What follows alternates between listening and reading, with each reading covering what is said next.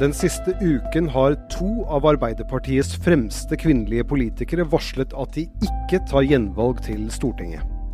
For å finne årsakene til det, må vi tilbake til katastrofehøsten 2017. Dette er forklart fra Aftenposten. Jeg heter Kristoffer Rønneberg. Det er torsdag 27. februar.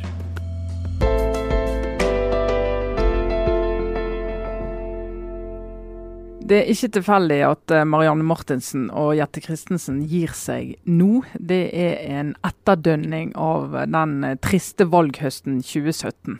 Trine Eilertsen, sjefredaktør her i Aftenposten. Hva sier de selv om hvorfor de slutter? Jette Christensen sier litt mer om den Marianne Martinsen gjør. og Hun forklarer at hun egentlig helt siden valget 2017, eh, på høsten der, kom tilbake til den nye stortingsgruppen, ikke har kjent seg helt eh, hjemme i stortingsgruppen.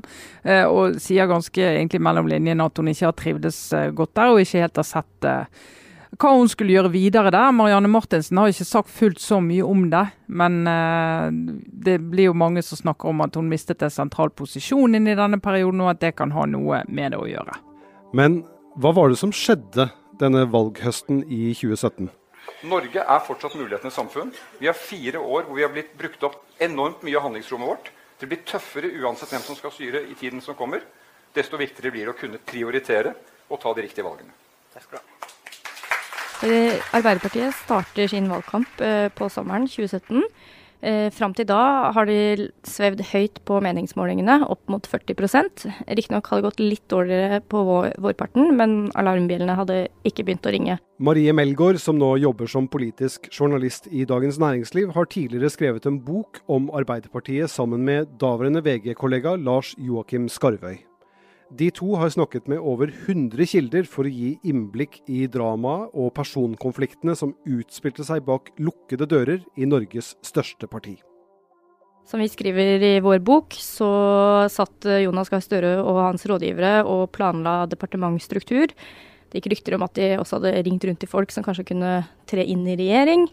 Eh, og det meste lå egentlig til rette for at det skulle bli et regjeringsskifte disse to som nå ikke søker gjenvalg eh, på Stortinget, Jette Christensen og Marianne Martinsen. Fortell litt om hva slags posisjoner de hadde i Arbeiderpartiet på den tiden. Marianne Martinsen har jo vært helt sentral for eh, Jonas Gahr Støres Arbeiderparti. I 2014, da han ble partileder, så håndplukka han eh, Martinsen til å bli Arbeiderpartiets finanspolitiske talsperson etter seg sjøl. Eh, og hun har sittet med en hånd på rattet i stort og smått av politikkutvikling i Arbeiderpartiet. De hadde en sånn struktur hvor all politikk skulle via finans, for å sørge for at man hadde økonomien i orden til å eh, gjøre de store og små satsingene man ville. Eh, så denne gruppa rundt Marianne og Marianne har vært veldig viktig for Jonas Gahr Støre. Og hun har jo vært en stjerne. Eh, hun ble jo snakket om som en mulig finansminister. Om hun ikke ble det, så kunne hun bli andre eh, Hun kunne bekle andre ministerverv hvis Arbeiderpartiet kom inn i regjering. Mm. Og Jette Christensen? Ja, eh, Jette Christensen var en eh, nestlederkandidat eh, i 2015, da det ble Hadia Tajik. det lå an til en kamp mellom de to. Det var de som var favorittene, hvor da Hadia stakk av med seieren. Jette Christensen har også leda politikkutvalg i Arbeiderpartiet og vært en annerledes stjerne. Uh, hun har jo en litt annen type stil kanskje enn hva man uh, ser hos andre politikere, og har uh, hatt en sånn ung appell eh, som Arbeiderpartiet antakeligvis har nytt godt av. Men da valgresultatet kom, ble det klart at Arbeiderpartiet hadde gjort sitt dårligste stortingsvalg i opposisjon på over 90 år. Dette valget, gode venner, er en stor skuffelse for Arbeiderpartiet. Skuffelsen internt var stor, og mye av frustrasjonen var rettet spesielt mot én sentral skikkelse i partiledelsen. Vi er straks tilbake.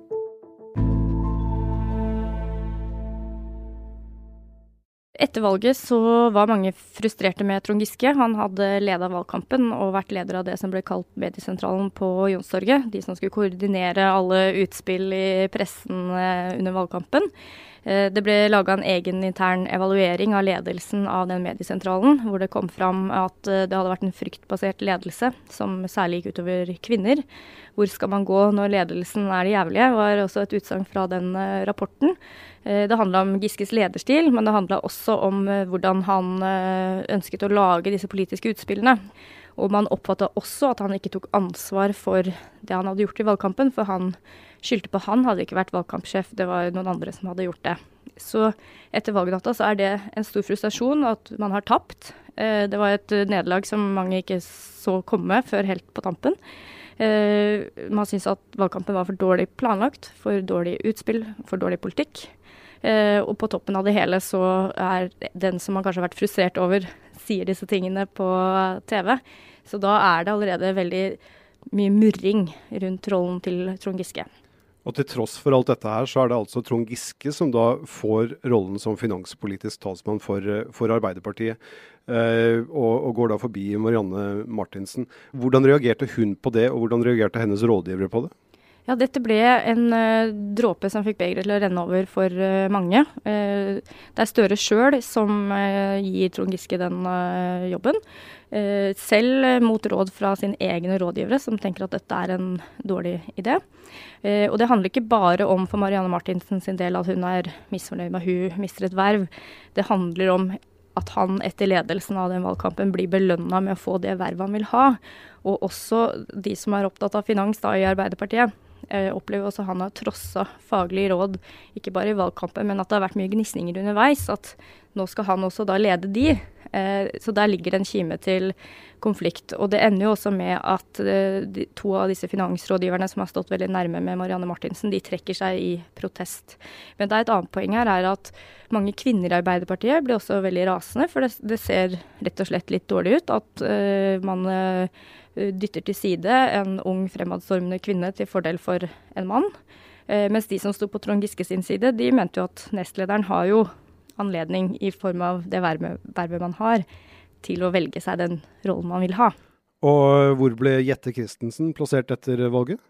Etter valgnederlaget så skal Arbeiderpartiet sette sammen stortingsgruppa si på nytt. Og det er jo frustrerende, for mange trodde jo de skulle inn i regjering. Men her er det en opplevelse av at de som har eh, vært eh, Trond Giskes støttespillere, eller i hvert fall ikke kritikere, de får verv og oppdrag, mens de som har vært mer kritiske, de eh, blir satt til side. Og da gjette en av de, hun som jeg har nevnt, var jo en tidligere nestlederkandidat og havner som en backbencher i utdanningskomiteen. Så dette er også med på å lage en opplevelse i Arbeiderpartiet høsten 2017 om at noen har vunnet og andre har tapt. Og det er stor frustrasjon over Trond Giske, som mange mener at nå prøver å posisjonere seg for å eh, bli partileder etter eh, Jonas Gahr Støre. På senhøsten 2017 skjer det noe som drar et allerede kriserammet parti dypere ned i gjørma. Metoo-bevegelsen oppstår internasjonalt, og etter hvert begynner det å tikke inn varsler om nestleder Trond Giske. Enkelte ansatte i Arbeiderpartiets stortingsgruppe begynner å snakke sammen om opplevelser de har med Trond Giske. Her også spiller Marianne Martinsen en rolle, for hun har kontakt med enkelte av disse kvinnene. Eh, og prøver å finne en måte for å si fra om dette på. For disse kvinnene er eh, engstelige for hvordan dette vil bli oppfatta, eh, og hvilke reaksjoner de vil få fra Trond Giske hvis de varsler. Så det er en prosess hvor noen snakker sammen. Eh, så resulterer det i at det faktisk blir fysiske varsler. Og her oppstår et møte mellom Jonas Gahr Støre, varslerne, Hans Christian Amundsen, og ei som er HR-sjef i Arbeiderpartiet, som heter Ann Katrin Bekken. og dette møtet er litt essensielt for å forstå den frustrasjonen med håndteringa i Arbeiderpartiet av metoo. For i dette møtet så gir Jonas Gahr Støre en rekke løfter til varslerne om hvordan disse sakene skal bli håndtert. Og kanskje det viktigste løftet der er at eh, partisekretær eh, Kjersti Stenseng ikke skal involveres, for disse kvinnene de stoler ikke på henne. Og så etter dette møtet, hvor det også er nedtegna på et papir, disse punktene, så bryter Jonas Gahr Støre alle løftene, uten egentlig å informere varslerne. Det blir et møte hjemme hos Kjersti Stenseng, hvor Trond Giske er til stede, og han får også tilgang til varslene på en måte som strider litt med de løftene som Jonas har gitt. Mens Ap-ledelsen jobber med å håndtere varslene internt, har mediene begynt å grave i saken. Arbeiderpartileder Jonas Gahr Støre er nå direkte involvert i flere varsler om Og fire dager før julaften blir nyheten og varslene kjent for offentligheten. Dagens Næringsliv skriver i kveld at Giske er kalt inn på teppet. Situasjonen i partiet beskrives eh, som fortvilet, og VG skriver også i kveld om at partitopper har skrevet et opprop om det de kaller en giftig partikultur. Og etterkant, når Jonas blir konfrontert med at dette var et løftebrudd, så sier han vel noe sånt som at eh, han ikke oppfattet at dette var eh, absolutte krav. Og det sviket da, som disse varslerne opplevde, og de eh, støttespillerne de hadde i Arbeiderpartiet, sånn som Marianne Martinsen, det ble litt uopprettelig. Eh, så selv om man eh, vinteren 2018 ender med at Trond Giske går av, og at han også har brutt altså partiets retningslinjer for seksuell trakassering, så er det noe med tilliten her som ikke klarer å gjenskapes. Trond Giske selv har beklaget oppførselen sin, men avviser at han har drevet med seksuell trakassering. Jeg beklager at jeg har eh, opptrådt på en måte som enkeltmennesker har opplevd som upassende eller ubehagelig. Det må jeg legge på min kappe, det er min skyld. Eh, og det er jeg veldig lei meg for. Hva vet vi om hvordan Martinsen og Christensen reagerte på hvordan varslene ble håndtert av Jonas Gahr Støre? På daværende tidspunkt så er det ingen av de som er veldig verbale og går ut i avisen eh, eller noe sånt noe. Og heller kanskje ikke så mye på interne møter, men som vi også skriver i boka, så eh, så føler de jo eh, de er svikta. Eh, og man ser jo også at eh, både Christensen og Marianne Martinsen tar en veldig tilbaketrukken rolle i stortingsgruppa i Arbeiderpartiet. Så de gikk fra å være helt sentrale i den neste generasjonen av ledere i Arbeiderpartiet, til å forsvinne helt ut i periferien? Det er riktig. Og eh, enkelte peker jo på at dette er fordi de er eh, misfornøyde fordi de ikke fikk et verv i høsten 2017, men som vi har snakket om, så er dette en lang kjede av ting som jeg mener er, er den reelle årsaken til eh, det at de nå ønsker å ikke fortsette. To og et halvt år er gått siden valget i 2017. Hvis den dårlige stemningen den gangen er grunnen, hvorfor har Christensen og Martinsen ventet så lenge med å si fra at de ikke tar gjenvalg? Sjefredaktør Trine Eilertsen sier at mye av årsaken ligger i rollene de har som stortingsrepresentanter. Altså, jeg tror Hvis de to hadde hatt en helt vanlig jobb, så kan det godt hende de hadde satt opp og, sagt opp og smelt med dørene allerede rundt årsskiftet 2017-2018. Eh, men de er stortingsrepresentanter, og da sitter du i fire år. Det, skal, det, er nesten umulig å slutte på Stortinget eller å få permisjon og gjøre noe annet. Du har en tillitsrolle eh, som velgerne har gitt deg, så du skal holde ut i de fire årene uansett hvor misfornøyd du blir.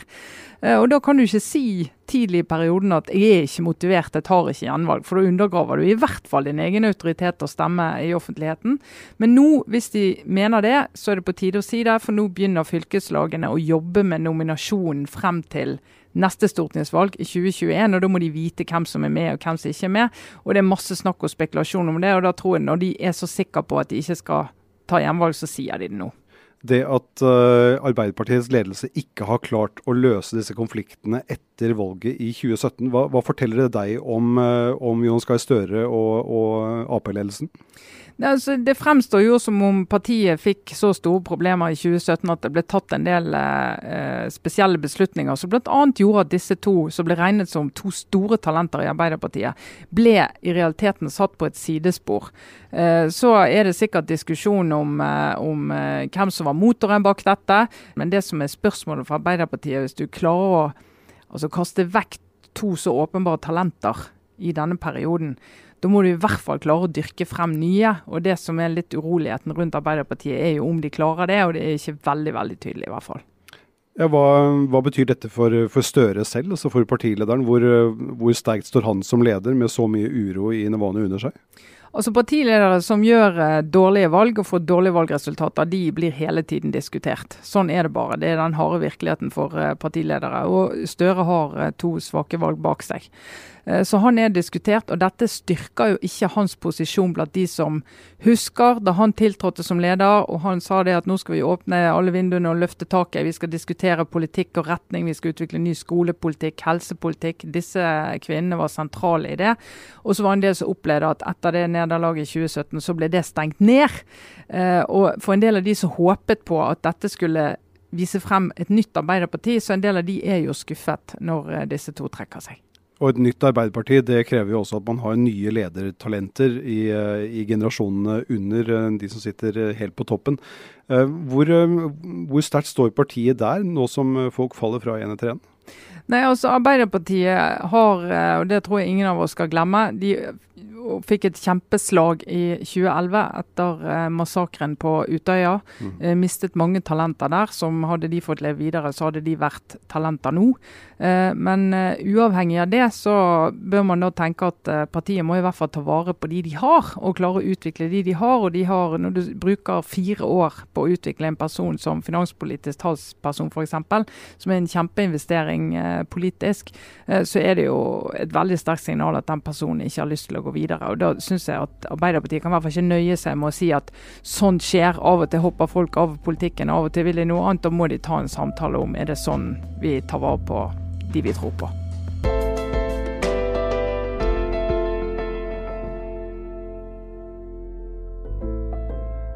Forklart lages av Caroline Fossland, Anne Lindholm, Andreas Bakke Foss og meg, Kristoffer Rønneberg. I denne episoden har du hørt lyd fra NRK og Civita.